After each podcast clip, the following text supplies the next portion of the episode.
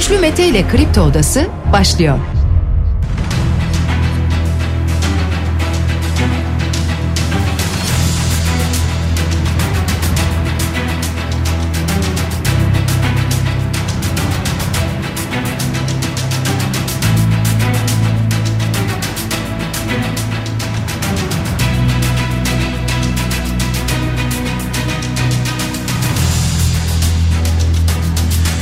Mart çarşamba sabahından Kafa Radyo'dan Kripto Odası'ndan tüm Türkiye'ye yurt dışında bizi dinleyen dinleyicilerimize günaydın. Hepinize sağlıklı bir gün dileyerek programımıza başlıyoruz. Bugün de Kripto Odası'nda saat 10'a dek sizlerle birlikte olacağız. Gündemdeki başlıkları değerlendireceğiz. Sizler de görüşlerinizle fikirlerinizle programa katılmak isterseniz Twitter üzerinden güçlü mete yazarak bana ulaşabilirsiniz. WhatsApp hattımızın numarası 0532 172 52 32. 45.089'a yükseldi can kaybı maalesef bölgeden gelen haberleri sizlerle paylaşacağız program içerisinde.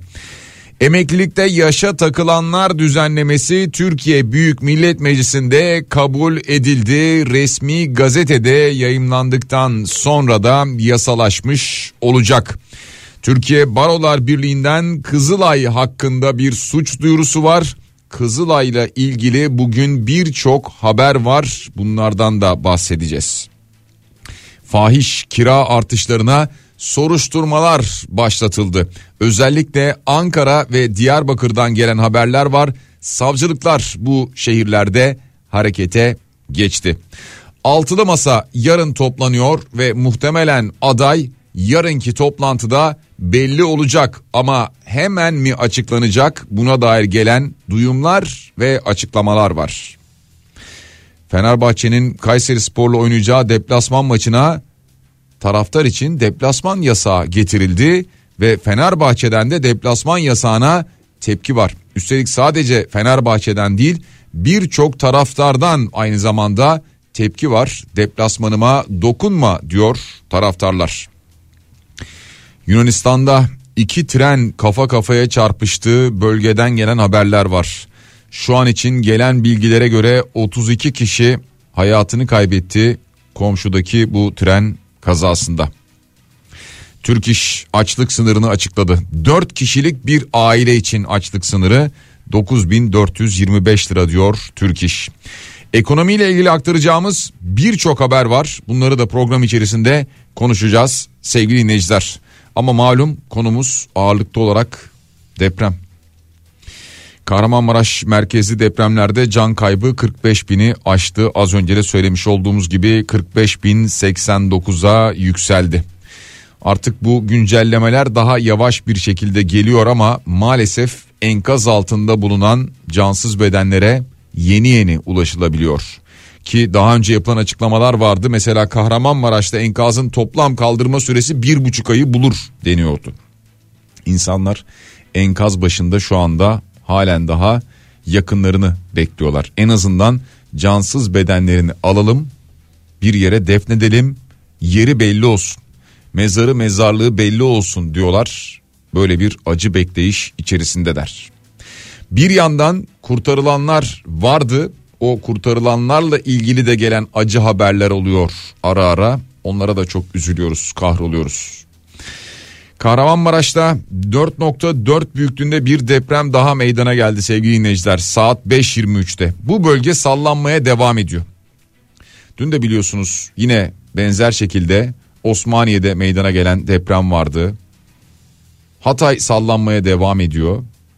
Şimdi tüm bunlar olurken uzmanların uyarıları var diyorlar ki bu depremler devam edecek daha bir süre. Bu sırada buralara inşaat yapamazsınız. İnşaata başlayamazsınız bu sallantılar sarsıntılar sırasında doğru olmaz diyor uzmanlar. Liyakat sahibi kişiler, okumuş kişiler, bilen kişiler, öğreten, hoca olmuş, öğretmen olmuş kişiler uyarıyorlar. Bilim insanları uyarıyorlar. Daha önce de biliyorsunuz defalarca birçok konuda uyardılar. Sadece üstelik deprem konusunda da değil. Türkiye'de liyakat deyince akla birçok şey geliyor. Mesela ekonomi konusunda da uyarılar yok muydu bu ülkede? Ekonomistlerin uyarıları hiç dikkate alındı mı? Devam edelim biz depremle. Deprem bölgesinde 202 bin binanın yıkık ya da yıkılacak olduğu bilgisi paylaşıldı. Araştırma yapıldıkça çalışmalar yapıldıkça bu sayı arttı biliyorsunuz. Önce işte 90 bin bina dendi sonra 100 bin 110 132 işte 169 bin 189 bin falan derken şimdi son gelen bilgi 202 bin bina. Ya bunların bir kısmı zaten yıkılmış bir kısmı da acil yıkılacak binalar arasında yer alıyor. Biraz önce başlıklar arasında söyledim Ankara ve Diyarbakır'da deprem sonrası fahiş kira artışına soruşturma başlatıldı. Ankara ve Diyarbakır'da savcılıklar harekete geçti. Cumhuriyet Başsavcılıklarınca fahiş artış yapan ev sahipleri tespit edilecekmiş sevgili dinleyiciler. Yani bunlar tespit edilecek de gerçekten fahiş bir artış varsa zaten savcılık tespit etsin, gereken ceza verilsin, yargılansın. Bunların hepsi doğru. Tamam, olsun tabii ki. Ama insanlar da şunu söylüyorlar. Ya zaten fiyatlar o kadar arttı ki. Yani birazdan mesela bahsedeceğiz. İşte et fiyatları o kadar arttı ki. İnsanların enerjiye ödedikleri fiyat o kadar yükseldi ki arttı ki.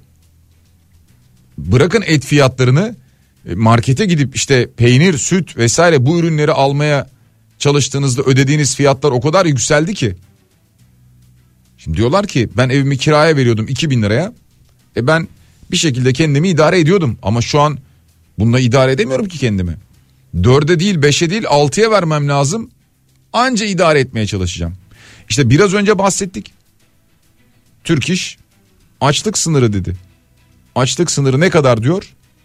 9425 lira diyor. 4 kişilik bir aile için söylüyor bunu tabi. 9425 lira diyor. Yani 10 bin liraya yaklaşmış durumda Türkiye'de açlık sınırı. Şimdi bu buraya kadar gelmiş. Kirasını artırana nasıl bir şey söyleyeceğiz bilmiyorum. Ha dediğim gibi vardır bir sürü evi emlakçıdır. E, bunlar da gerçekten bir fahiş fiyat uygulaması yapıyordur. Bunu zaten devlet çıkartacak ortaya.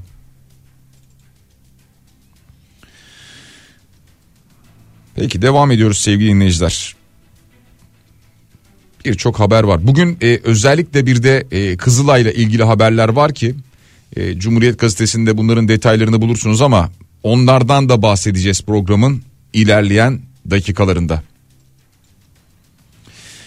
Şimdi liderlerden gelen açıklamalar var. Cumhurbaşkanı Erdoğan diyor ki yeni baştan inşa etmek bizlere nasip olacak diyor. 309 bin konut yeni baştan inşa etmek evet şu anki hükümete yani seçim olacak tabi ama neyse e, nasip olacak mı olmayacak mı bilemiyorum ama maalesef deprem şu döneme denk geldi. Hem pardon her kim zehirli diliyle bu işleri engellemeye kalkarsa doğrudan milletimizi ve ülkemizi sırtından hançerlenmiş olacaktır diyor. Böyle bir açıklaması da var. Bu işte süratle kentsel dönüşüm yapılacağını ifade ediyor ki kentsel dönüşüme birilerinin karşı olacağını, yıkılan binaların yerine yerine yenisini yapılmasının bir e, sorun olacağını söyleyen yok. Sadece diyorlar ki şu an hemen başlamayın çünkü bölgede artçı sarsıntılar veya biliyorsunuz tetiklenen faylardan dolayı meydana gelen depremler oluyor. Bununla ilgili uyarılar var. Yani burada bilim insanların herhalde dinlemek lazım değil mi? Kemal Kılıçdaroğlu halkına kastetmenin helalliği olmaz dedi sevgili dinleyiciler. Halkına kastetmenin helalliği olmaz. Ee, Cumhurbaşkanı Erdoğan bir helallik istemişti.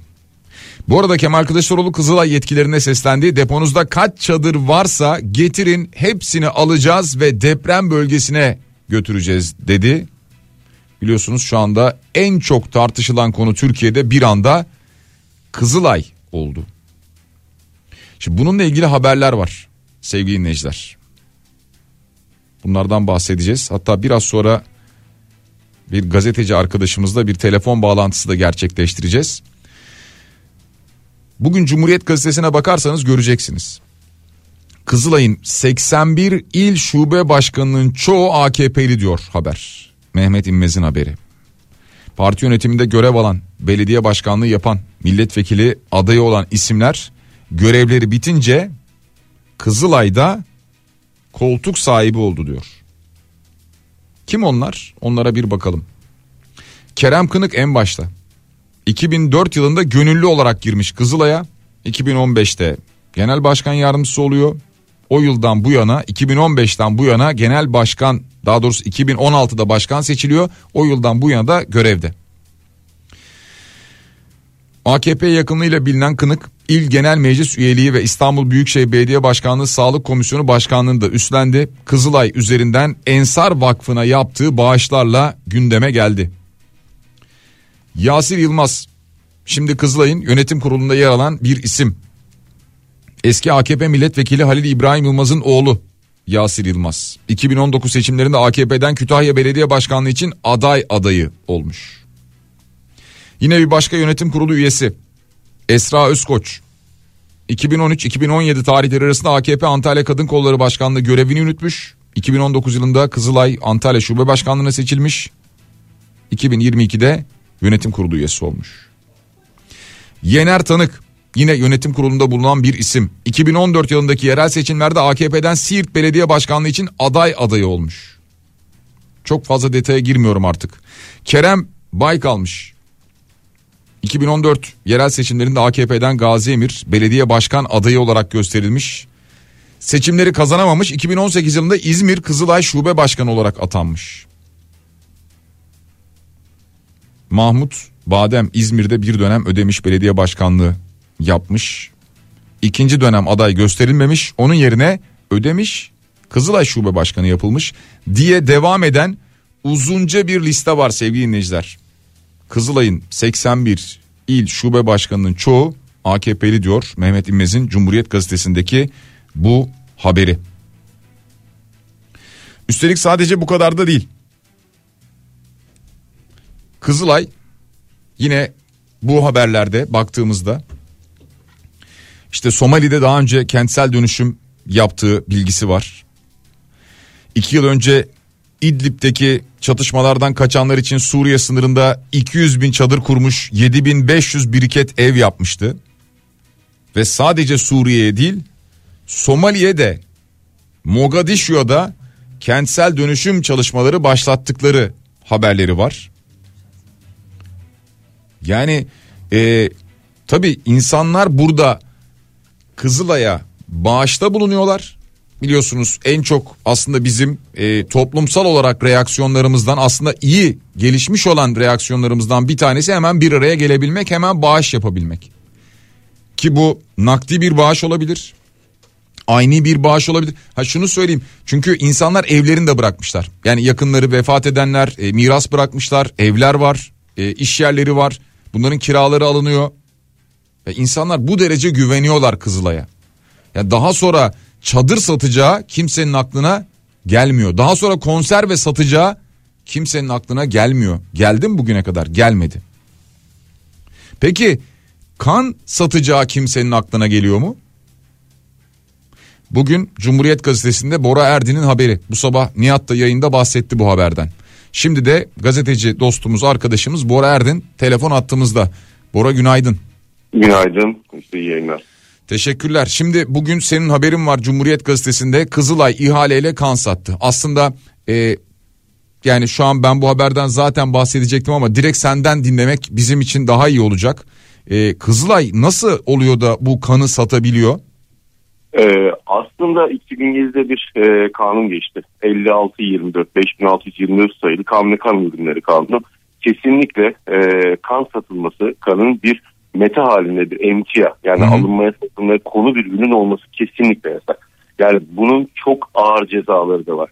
Ancak devlet hastaneleri Kızılay'dan bayağı bildiğimiz işte TOKİ ihalesi gibi ihale kanunundan faydalanarak ihale kanunu arkalarına alarak kan satın alıyorlar. O da hmm. ne? 4734 sayılı kamu ihale kanunundan kanun kapsamında e, bir madde var. Bu ihale maddesi şu şekilde eğer siz bir ürün alacaksanız istisna maddesi diyoruz buna 22B maddesi. Çoğunlukla da şöyle kullanıyor. Adrese teslim ihaleler için çokça karşılaştığımız e, bir konu. Aslında da hep de makam aracı alınırken kullanılan hmm. e, ne bileyim işte bir inşaat yapılacaksa adrese teslim onun için kullanılan bir madde.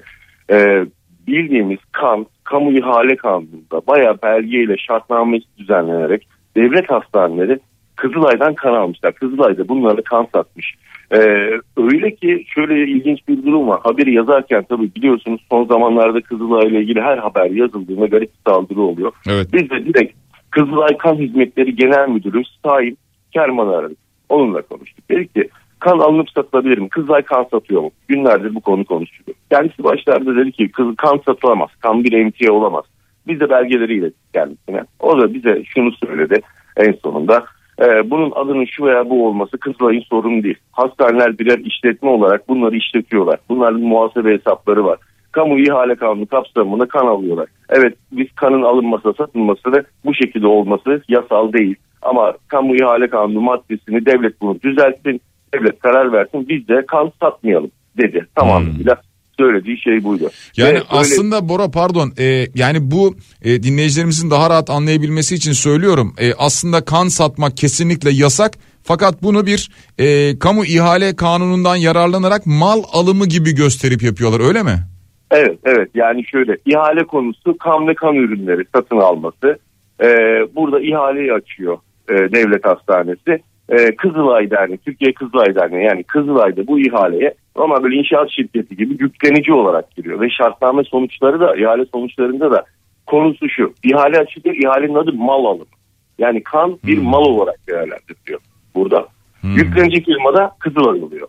Ee, ve bu devlet hastaneleri Denizli Buldan Göğüs Hastalıkları Hastanesi kan almış. Mesela Kastamonu Devlet Hastanesi var. Kastamonu Devlet Hastanesi bu arada kanı alırken ihale şartnamesinin adına herhangi bir şey yazmamış. Hı hı. Faturayı yazmış. Yani Hmm. e, 31-12-2022 tarihli Kızılay faturası olarak çıkmış ihaleye. Yani burada şey e, bir içerik yok yani ihalenin konusunda sadece bir tarih var ve Kızılay faturası yazıyor öyle mi? Evet Kastamonu böyle yapmış. Ama daha da trajik olan yani depremin olduğu günlerde bile hastaneler ihaleye çıkmışlar kan almak için farklı bölgelerde. Farklı hastaneler deprem bölgesi deprem etkileyen 10-11 ilden bahsetmiyorum. Bu dönemde bile Kızılay kan sıtma satmaya devam etmiş. Valla bu e, devam edecek. Yani bu gerçekten e, bunları duydukça biz e, yani tüylerimiz diken diken oluyor. Çünkü kan bağışına gitmek istiyoruz, gidiyoruz, bunu bağışlıyoruz. Birilerine ulaştırılsın, ücretsiz bir şekilde tabii ki ulaştırılsın istiyoruz. E, ama devlet hastaneleri bile e, bunu eğer bu şekilde parayla satın alıyorsa, Kızılay bunu parayla satıyorsa e, vay halimize yani Türkiye Barolar Birliği'nin şu anda tabii bu konuyla ilgili bir e, suç duyurusu da var da sadece bu konuyla ilgili değil ama e, görevleriyle ilgili görev alanlarının dışında bir takım şeyler yaptıkları için e, inanılır gibi değil ve sen e, bunu sevgili dinleyiciler daha detaylı bulmak isterseniz Cumhuriyet'te Bora Erdin'in haberinde var. E, hangi hastaneler e, ne kadarlık bir bedelle e, kan ürünü almışlar nasıl ihalelere çıkılmış bunların detayları burada yer alıyor. E, Bora bu haberden sonra şu an için bir reaksiyon bir tepki var mı? Ee, şu an bir reaksiyon bir tepki yok ama dediğimiz gibi biz haberi hazırlarken direkt Kızılay'a da konuyu ve belgeleri ileterek sorduk. Çünkü en büyük endişem şu. Kızılay köklü bir kuruluştur, köklü bir kurumdur. Ee, Kızılay'ın insanların Kızılay'a kan vermekten imtina etmemesi, kan vermeye devam Evet. etmesi gerekiyor. Türkiye bir kriz ülkesi. Kriz- İstanbul'da bir deprem bekleniyor. Bunlar olsa bile, bunlar yaşanmış olsa bile Kızılay hala Türkiye'nin tek kan tedarikçisi ve tek kan stoğu tutan e, kurumu. O nedenle şunu söyleyeyim. Reaksiyon, vatandaş buna reaksiyon vermemeli. Yani e, kan vermekten çekinmemeli. Evet. Hala kan vermeye, kan bağışçısı olmaya devam etmeliyiz bu noktada. Evet e, Bora çok teşekkür ediyorum e, katıldığın için. Aynı zamanda e, yani bu haberde çok önemli bir haber. Üzerine umarım konuşulur ve burada e, Kızılay Kan Hizmetleri Genel Müdürü Saim Kerman'ın da söylediği gibi e, umarız devlet bununla ilgili bir değişiklik yapar buna bir karar verir. E, Kızılay da buna göre bu yaptığı işlerden işlemlerden e, artık geri adım atmış olur diye dileyelim. Çok teşekkürler sağ ol Bora. Teşekkürler, iyi yayınlar. Teşekkürler. Ee, sevgili dinleyiciler e, gazeteci dostumuz e, Bora Erdin'in haberi Cumhuriyet'te e, bunu konuştuk. E, bir yandan kendisinin söylediği gibi ben her yayında bunu söylüyorum. Her ne kadar e, böyle kurumların içi boşaltılıyor olsa da e, maalesef değersizleştiriliyor olsa da kurumlar içerisinde çalışan bazıları tarafından çünkü herkes de böyle değil o kurumlarda çalışan. Onlar da rahatsızlar bu tip şeylerden. Ama buna rağmen e, şu anda üstelik sadece deprem bölgesi için değil, üstelik sadece Türkiye genelinde Marmara'da beklenen bir deprem için değil, Şu anda bile kana çok ihtiyaç var. Nasıl ihtiyaç var? Hastaneye yattığınızda birisi acil olarak gittiğinde bir yoğun bakım hastasına e, bir beyin kanaması geçir veya bilmiyorum işte bunları doktorlar çok daha iyi bilirler ama bir kaza bir ameliyat bunlarla ilgili kana ihtiyaç oluyor. İşte e, yani kimsenin başına gelmesin diyeceğim ama e, sürekli biliyorsunuz hastanelere gidiyoruz. Kendimiz için bir yakınımız için işte o kan ihtiyacı şu an sadece Kızılay'dan sağlanabiliyor. O nedenle bir yandan e, bundan da kaçmamak gerekiyor. Devam ediyoruz sevgili dinleyiciler. Bir dinleyicimiz demiş ki ben özel bir hastanenin medikal muhasebe doktoruyum. Sadece ihaleyle değil aynı zamanda hasta başına kullanılan kan için Kızılay'dan sipariş veriyoruz. Bir ücret ödüyoruz. Sonra bu ücreti SGK'ya fatura edip rücu ediyoruz. Kısacası biz de satın alıyoruz diyor. Özel bir hastane. Şimdi e, diyebilirsiniz ki özel hastane hadi satın alsın. Ya gerçi özel hastane de bence kanı satın almasın ama neyse eğer böyle bir durum varsa diyelim ki bunu diyebilirsiniz ama devlet hastanesi neden böyle bir ihaleye çıkıp Kızılay'dan kan satın alsın? Neden Kızılay kan satsın? Şimdi e, dinleyicimiz şöyle bir reaksiyon göstermiş ama işte dediğim gibi bu aslında çok e, doğru değil. Ama insanlar işte ne yapacaklarını bilemiyorlar. Diyor ki ben sürekli 4 ayda bir kan veriyordum fakat bundan sonra vermek istemiyorum. Ta ki Kızılay yönetimi değişene kadar kan vermeyeceğim demiş. Şimdi e, dediğim gibi bu aslında bir çözüm değil. Çünkü kana ihtiyaç var Türkiye'de. Sürekli ihtiyaç var. Yani bir yerde bir afet olmasına gerek yok.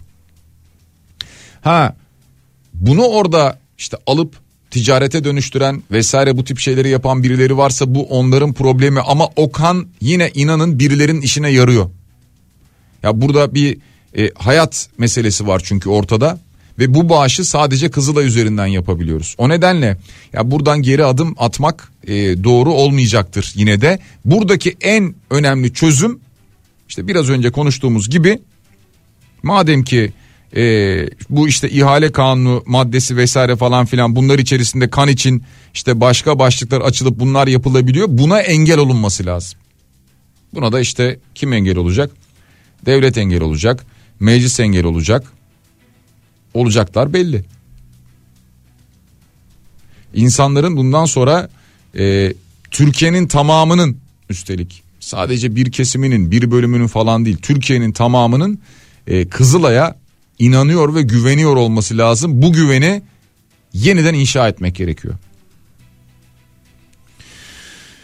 Devam ediyoruz sevgili dinleyiciler. Şimdi e, Türkiye Barolar Birliği'nden bahsettim az önce.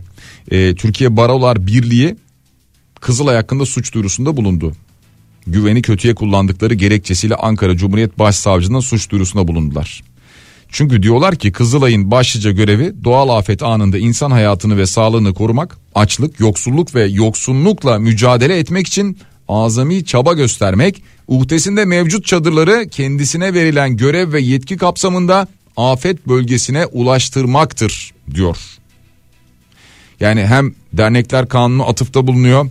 Dernek statüsünde faaliyet yürüttüğünü ifade ediyor Kızılay'ın Türkiye Barolar Birliği ve bu nedenle de diyor sözü edilen görevi ifa etmek ve yurttaşların barınma sorununu bir an önce çözümlemek için uhdesinde bulunan çadırları derhal bölgeye göndermek yerine kurdurduğu işletme üzerinden satışa çıkarmak Kızılay yöneticileri açısından tabi oldukları kanunlar çerçevesinde ceza sorumluluğunu doğurmaktadır diyor.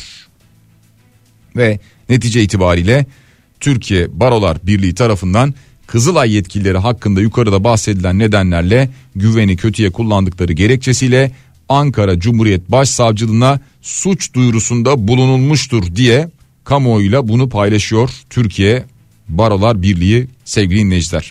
Ha ne olacak? Yani şimdi e, bir de bu var. E, işin bu kısmı var. Herkes bir yandan bunu düşünüyor. E Türkiye Barolar Birliği suç duyurusunda bunu ne olacak? Ya suç duyurusunda bulunması yanlış bir şey değil doğru. Bunu yapacak.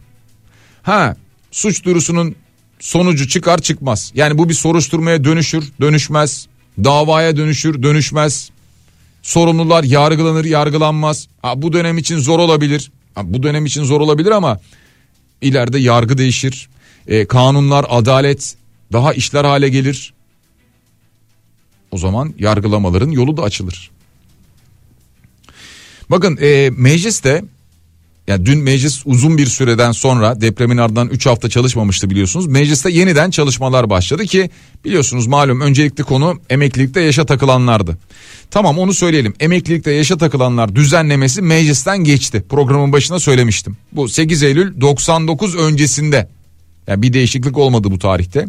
8 Eylül 99 öncesinde sigortalı olup kadınlarda 20 erkeklerde 25 yıl sigortalılık süresini tamamlayanlar emekli olabilecekler. Şimdi burada prim günlüğüne ilişkin bir itiraz vardı. 5000 sabit gün olsun denildi. E, ama bu itiraz ve önerge kabul edilmedi.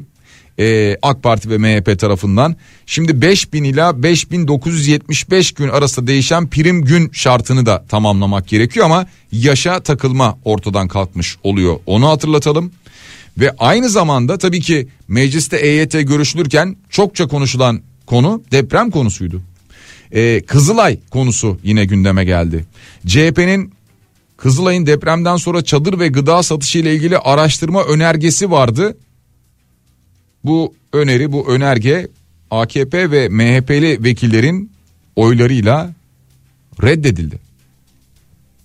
Aynı zamanda mecliste sert tartışmalar da oldu sevgili dinleyiciler. Mesela HDP Hatay Milletvekili Tülay Hatımoğulları Oruç ailesini yaşadığı mahallede sadece 5 evin ayakta olduğunu söyledi.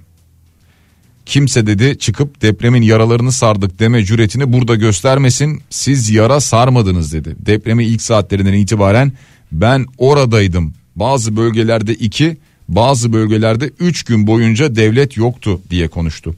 Bir yandan e, böyle bir tartışma şu anda devam ediyor. E, hatta Cumhurbaşkanı Erdoğan Adıyaman'la ilgili ne dedi? İlk birkaç gün dedi evet eksik kaldık dedi. Hatta Adıyamanlılardan helallik istiyorum dedi ya hatırlayacaksınız. Şimdi ilk birkaç gün devlet vardı yoktu. Ulaşabildi ulaşamadı. Ne kadar ulaştı istenildiği gibi oldu mu olmadı mı? Deprem bölgesinde neler yaşandı? Jeofizik Yüksek Mühendisi Profesör Doktor Övgün Ahmet Ercan biliyorsunuz dün gözaltına alındı. Halkı kin ve düşmanlığa tahrikten gözaltına alındı. Sosyal medyadaki paylaşımları sebebiyle.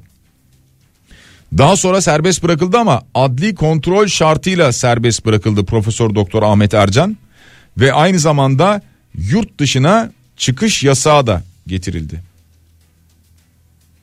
Neden oldu derseniz şu sebeple olduğu söyleniyor. Sosyal medyadan ilk iki gün asker inmediği için korumasız kadınlara tecavüz edilmiş şeklindeki paylaşımı nedeniyle halkı kim ve düşmanlığa tahrikten Elazığ'da gözaltına alındığı bilgisi vardı. Ve daha sonra işte şimdi adli kontrol şartıyla serbest bırakılmış. İlk birkaç gün asker indi mi inmedi mi? Organize olabildi mi olamadı mı? Bir yandan bu tartışma devam ederken Milli Savunma Bakanı Hulusi Akar ilk andan itibaren askerin harekete geçtiğini söylüyor. Böyle bir açıklama yapıyor. Ama bu arada enteresan bir açıklama da var ki o da Kızılay Başkanı Kerem Kınık'tan geldi geçtiğimiz gün. Yani Ahmet Hakan'ın programında bir açıklama yaptı. Dedi ki afet operasyonunun içinde askeri konumlandırmazsanız yanlış yaparsınız kendi içerinizde sivil asker işbirliği mekanizmanız geçmiş dönemlerde çökertildiği için bu mekanizmadan faydalanamıyorsunuz dedi. Geçmiş dönemlerde sivil asker işbirliği mekanizmanız çökertildi diyor. Bu mekanizmadan faydalanamadınız diyor. Afet operasyonu içerisinde askeri konumlandırmazsanız yanlış yaparsınız diyor. Yani bunu Kızılay'ın başkanı söylüyor Kerem Kınık söylüyor. Sahada bizim en çok ihtiyaç duyduğumuz şey şu an çadır değil teyit edilmiş bilgi ve koordinasyon gücü diyor.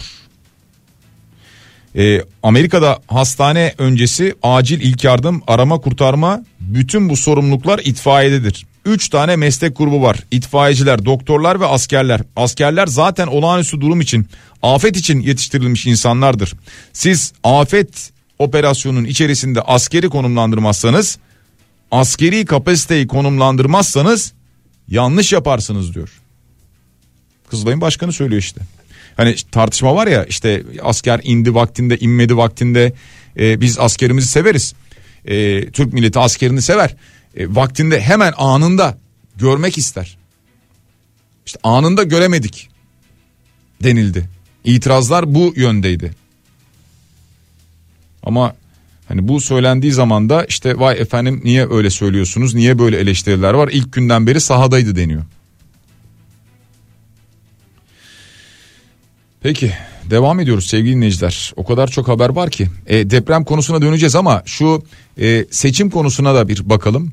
E, seçimle ilgili bir defa 14 Mayıs tarihi halen dillendiriliyor. E, AK Parti kanadından gelen açıklamaları da söylemiştik. 14 Mayıs'tan bahsediliyor. E, işte Cumhurbaşkanı Erdoğan'ın 10 Mart tarihinde daha önce söylemiş olduğu gibi bir açıklama yapması bekleniyor. Bir karar alması bekleniyor. Tüm bunlarla beraber e, Türkiye İşçi Partisi e, Yüksek Seçim Kurulu'na seçim ertelemeyi sordu. Yani seçim ne şartlarda ertelenebilir şeklinde bir soru diyebiliriz bunun için.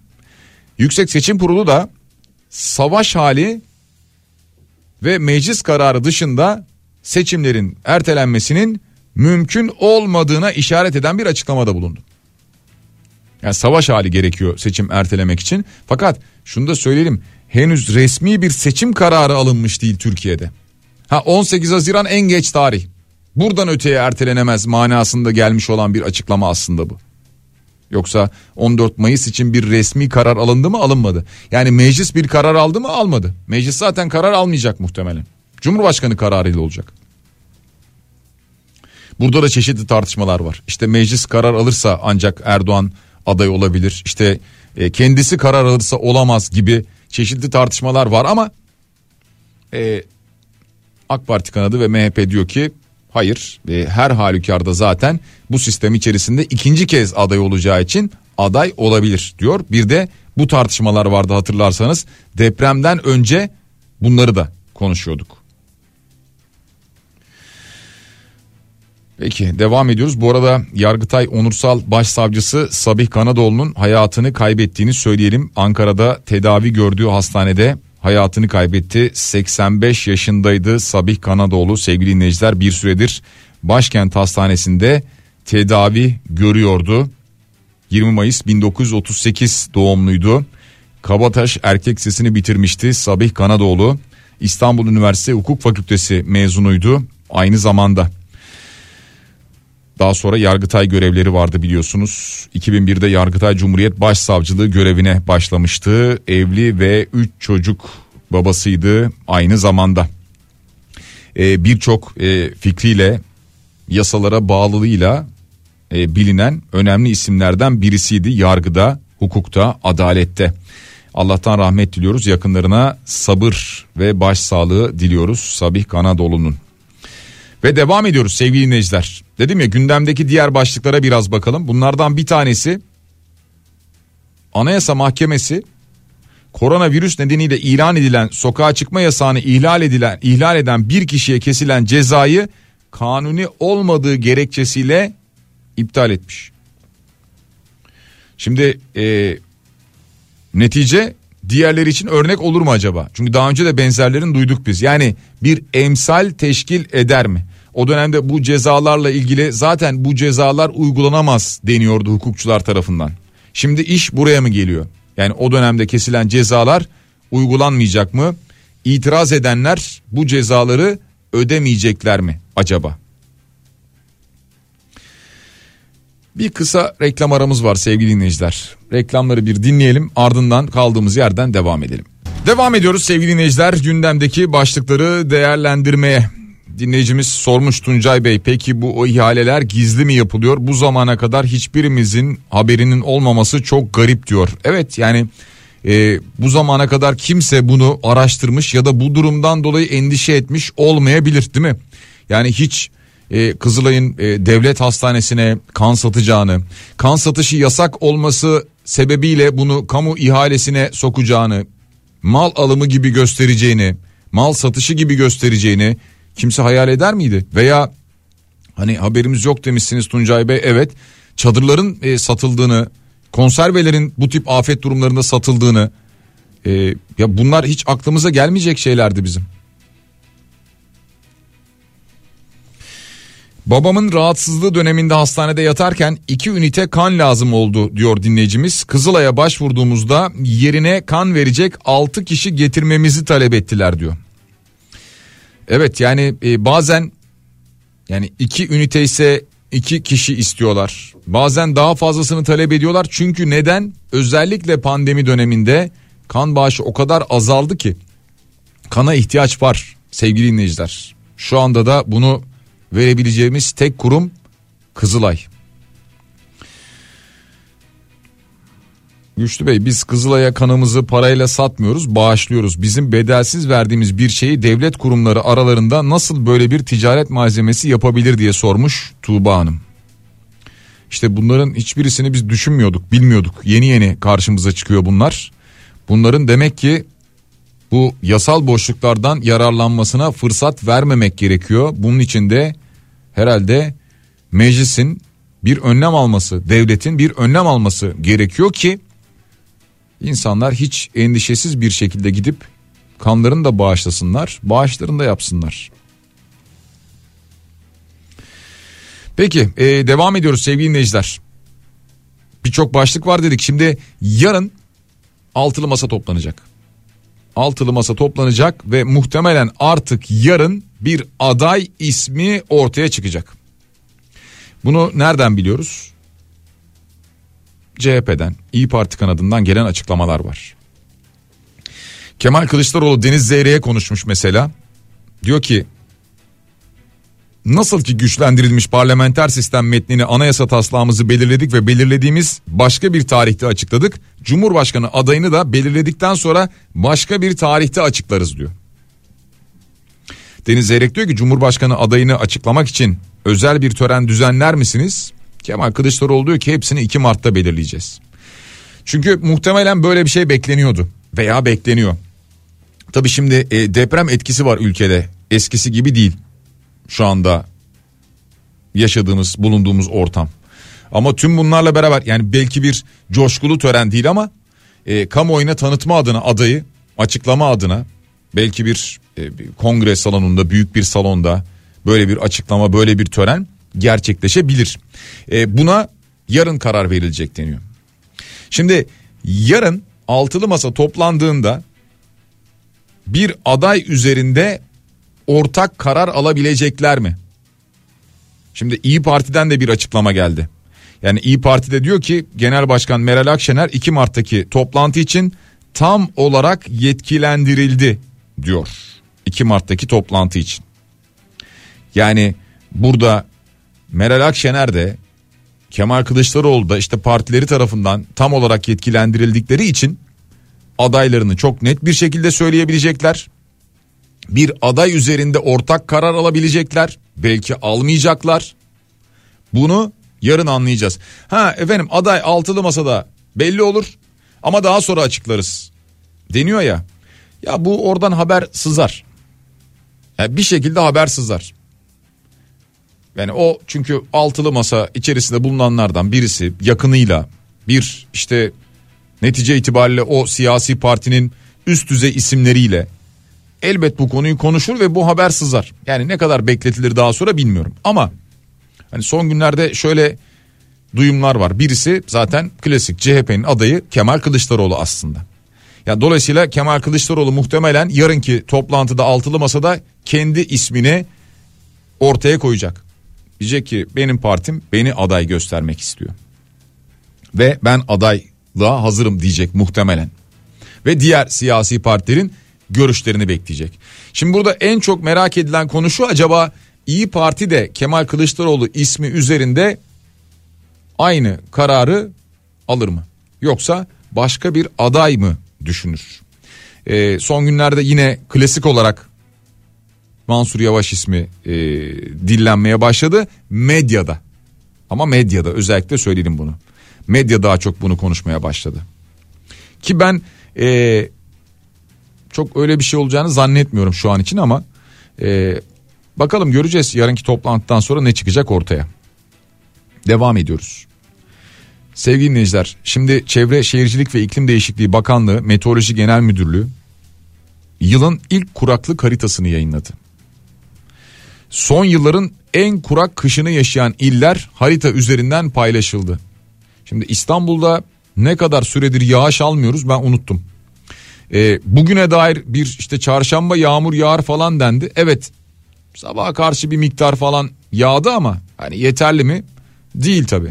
İstanbul'da şu anda İSKİ'nin ortalama baraj doluluk oranına baktığımızda raporuna baktığımızda %35.38 olarak baraj doluluk oranı görünüyor. Yani %35 o %20'lerin altında falan olmasından iyi mi? Tabii ki iyi. Yeterli mi? Yetmez. Şimdi çünkü baktığımızda bakayım şöyle bir hava durumuna tekrar bakalım. Yani biz İstanbul için bakıyoruz ama o diğer illerden de bahsedeceğim ben. Ya İstanbul'da şu anda benim gördüğüm pazara kadar yağış yok gibi görünüyor. E, o da pazar günü yağar mı yağmaz mı belli değil. Peki bu e, haritaya baktığımızda olağanüstü kuraklık tehlikesi altında olan iller hangileri? Bunlar siyahla işaretlenmiş. İstanbul var tabii onu söyleyelim İstanbul var. Erzincan, Yalova, Kocaeli, Bursa, Kütahya, Afyonkarahisar, Konya, Ankara, Karaman, Mersin, Osmaniye, Mersin, e, pardon Mersin'i iki kez yazmışlar burada. Bayburt, Ağrı ve Muş. Olağanüstü kuraklık tehlikesi altındalar. 2014 yılında daha önce buna benzer bir kurak sene yaşamışız, geçirmişiz sevgili dinleyiciler. Ve önümüzdeki günlerde de az önce söylediğim gibi böyle yoğun yağış beklenmiyor. Ee, tabii suya da ihtiyaç olacak. Yani bu kuraklık da e, bizim için gelecekte büyük tehlikelerden bir tanesi. Devam ediyoruz. Devlet Bahçeli Elbistan'daydı. Depremzedeleri ziyaret etti. Bu arada e,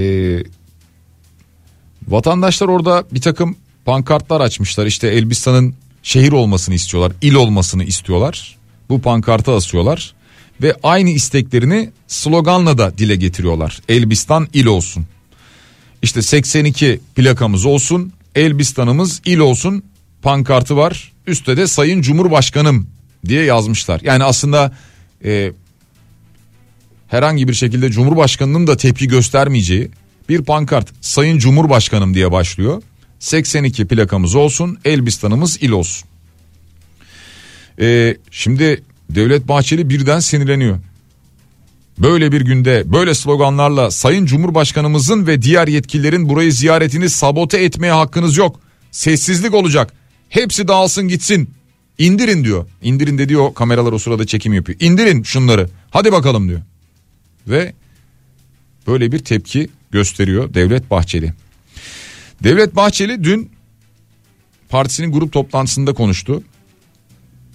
Hükümeti istifaya davet etmek bir avuç fanatik ve holigan gruba sipariş verilmiş iç ve dış bağlantılı siyasi komplodur dedi. Yani Fenerbahçe ya da Beşiktaş tribünlerinde slogan atanların dış bağlantılı siyasi komplo veya iç bağlantılı siyasi komplo uzantıları olduğunu söylüyor. Bakın e, şu anlaşılmıyor. Devlet başka bir şey, hükümet yani devleti yönetenler başka. İnsanlar burada devlete karşı bir şey söylemiyorlar. Depremdeki özellikle yönetim sorunlarına ilişkin tepkilerini dile getiriyorlar. Ve siz Fenerbahçe taraftarından üzerindeki formayı alın maçtan çıkartın. Beşiktaş taraftarından üzerindeki formayı alın maçtan çıkartın. Onlar da sonuçta bu ülkenin vatandaşı değil mi? Halktan, yani milletin içinden insanlar. Şimdi Beşiktaş üyeliğinden ayrıldığını söylüyor ama herhangi bir istifa dilekçesi gitmemiş. Ayrılma dilekçesi falan talebi ulaşmamış. E, ulaştıracaktır herhalde. Neyse. Bundan böyle ben artık kara gümrüklüyüm diyor. Devlet Bahçeli. E bundan sonra kara gümrük düşünecek o zaman. Yani e, bir sıkıntı bir sorun e, tribünde aman yanlış bir tezahürat olmasın diye herhalde. Peki e, bu arada e, bu sloganları atanların tribünlerde hükümet istifa sloganlarını atanların da tespit edilmesi gerektiğini söylüyor. Ya tespit edersiniz canım kameralar vardır. Da sonra ne yapacaksınız yani? Devam edelim sevgili dinleyiciler. İsias Oteli çok konuşuldu değil mi? Ee, bir ara işte bu otelle ilgili e, bu soruşturmayla ilgili bir yayın yasağı var falan dendi ama sonra yayın yasağı olmadığı anlaşıldı. Depremden o kadar çok acı hikaye çıkıyor ki. Adıyaman'da yıkılan İsias Oteli'nde hayatını kaybeden Kuzey Kıbrıs Türk Cumhuriyeti voleybol takımı kafilesi var. Kafilede yaşları 12 ile 14 arasında değişen 24 voleybolcu var. 12 ve 14 yaş grubunda.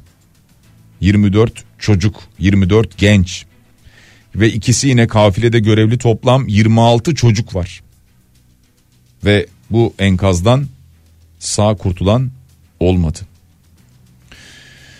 Şimdi tabii ki e, çok büyük bir acı ama aileler şimdi adalet arayışına başlamışlar. Valla o adalet nasıl gelir? O çocuklarınızı, çocuklarımızı maalesef geri getirmeyecek. Ama insanlar istiyorlar ki en azından adalet önünde bunun sorumluları, bunların sorumluları hesap versin. Rönesans Rezidans Hatay'da depremde yıkıldı biliyorsunuz. Yurt dışında olduğu belirlenen bir ortağı varmış Hüseyin Yalçın Coşkun. Onun için iade talepnamesi ve kırmızı bülten çıkarılması talebi Adalet Bakanlığı'na iletilmiş. Bir kırmızı bülten çıkarılsın deniyor. Bakan Murat Kurum'dan açıklamalar var. İstanbul'da riskli binalar belirlenen alanlara taşınacak diyor. Riskli olduğu tespit edilen 1 milyon 500 bin konutun taşınacağını söylüyor. Konutlar şehrin iki yakasında belirlenen rezerv alanlarına taşınacak. Diyor ki bununla ilgili biliyorsunuz uzmanların açıklamaları var. Bu rezerv alanları denilen alanların kuzeyde olmasını istiyor uzmanlar. Yani e, malum Marmara depremi bekleniyor bir İstanbul depremi değil. Marmara depremi olacağı için kuzeye yakın yerleşim olmalı. Daha güneyden uzaklaşmalı diyor uzmanlar uyarılarını yapıyorlar. Şimdi şimdi hastanelerimiz taşınmaya başlandı değil mi? Mesela Cerrahpaşa Tıp dün bahsettik. Kapatılan bölümlerde tahliyeler başladı. Hastaların sevki başladı. Dün Sağlık Bakanı Fahrettin Koca dedi ki Kağıthane Devlet Hastanemiz Seyran Tepe Şişli Hamidiye Etfal Eğitim ve Araştırma Hastanemize taşınarak hizmetine devam edecektir dedi. Kağıthane Devlet Hastanesi'nin taşınacağını söyledi. Şimdi biz şu an için bilinen 45 bin üzerinde can verdikten sonra hastanelerimizi boşaltmaya başlıyoruz. Yani Marmara depremine ne kadar hazırlıksız olduğumuz çok net ortada değil mi? Daha önce de söyledim. Yani Marmara depremine zaten bu ülke hazırlıklı olmuş olsaydı şu anda bu yaşadığımız deprem acılarını yaşamıyor olurduk. Çünkü bu bölge için de hazırlığımızı yapmış olurduk. Afet sonrası afet oldu anında müdahale edemedik bir iki gün gecikildi vesaire falan açıklamaları. E demek ki Marmara'da deprem olsa bunun içinde bir hazırlık yok. Devam ediyoruz sevgili dinleyiciler. İstanbul Büyükşehir Belediyesi Genel Sekreter Yardımcısı Buğra Gökçe Marmara depreminin bir milli güvenlik sorunu olarak ele alınması gerektiğini söylüyor ki bence çok doğru. Bir milli güvenlik sorunu olur Marmara depremi gerçekten.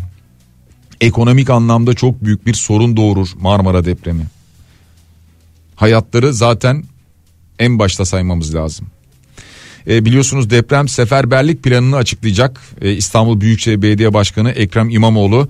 Çarşamba günü bu deprem seferberlik planı açıklanacak İstanbul Büyükşehir Belediyesi'nin. Çünkü bu depremde en büyük nüfusu İstanbul taşıdığı için daha çok İstanbul konuşuluyor ama sadece İstanbul mu değil. Marmara bölgesinde yine bütün şehirler bu depremden etkilenecek. Yine devam ediyoruz gündemdeki başlıklarla. Fenerbahçe tepkili sevgili dinleyiciler. Kayseri Spor maçına Fenerbahçe taraftarının alınmayacağı açıklandı. Kayseri İl Güvenlik Kurulu kararıyla. Bu hafta sonu oynanacak Kayseri Spor Fenerbahçe maçına Fenerbahçe seyircisi alınmayacak. Şimdi Fenerbahçe kulübü doğal olarak buna tepki gösterdi. Fenerbahçe Spor Kulübü olarak bu kararı kabul etmemiz hiçbir şekilde mümkün değildir. Alınan bu karar tarafımızca toplumsal ayrışmayı derinleştirecek boyutta sportif kriterlerle alakası olmayan garip bir karardır. Taraftarlarımızın takımımızı destekleme isteklerine engel olma ve kulübümüzün cezalandırılması dışında hiçbir anlam taşımamaktadır. Fenerbahçe Anadolu'nun her yerinde taraftara sahip olan, şehir fark etmeksizin takımını her yerde destekleyen taraftarı olan bir spor kulübüdür diyor ve bu kararı gözden geçirmeye ve bu yanlıştan dönmeye davet ediyoruz diyor Fenerbahçe taraftarı. Neden Fenerbahçe taraftarı Kayseri maçına alınmıyor? Ya mesela Kayseri taraftarı ile Fenerbahçe taraftarı arasında hiç bilmediğimiz bilinmeyen anormal bir gerginlik mi var? Öncesinde çeşitli istihbaratlar mı var? Büyük olaylar çıkacak, kavgalar çıkacak falan böyle bir istihbarat mı var mesela? Ama istihbarat şu. İşte Fenerbahçe taraftarı daha önce slogan attı. Ya bu maçta da slogan atılırsa veya attı al sana ceza. Bundan sonra Süper Lig'de maçları seyircisiz oynatırlar mı? Mesela tamam deplasmana Fenerbahçe taraftarı gitmedi diyelim. Sonraki hafta kendi sahasında Fenerbahçe maç yapmayacak mı? O seyirci maça gitmeyecek mi mesela? Veya Beşiktaş seyircisi. Veya Galatasaray seyircisi bilmiyorum. O zaman maçlar seyircisiz mi oynansın denecek şimdi. Sevgili dinleyiciler artık programın sonuna geldik. Ee, bugün Bülent Ortaçgil'in doğum günü. Bu sebeple Bülent Ortaçgil'in de doğum gününü kutlayarak e, bir Bülent Ortaçgil şarkısıyla sizlere veda ediyoruz. Biraz sonra Bediye Ceylan güzelce sizlerle beraber olacak. Saat 10'dan 12'ye dek Kafa Radyo'da. Cenkere Teknik Masa'da teşekkür ediyoruz. Yarın sabah aynı saat diliminde yeniden buluşana dek hepinize sağlıklı bir gün diliyorum. Şimdilik hoşçakalın.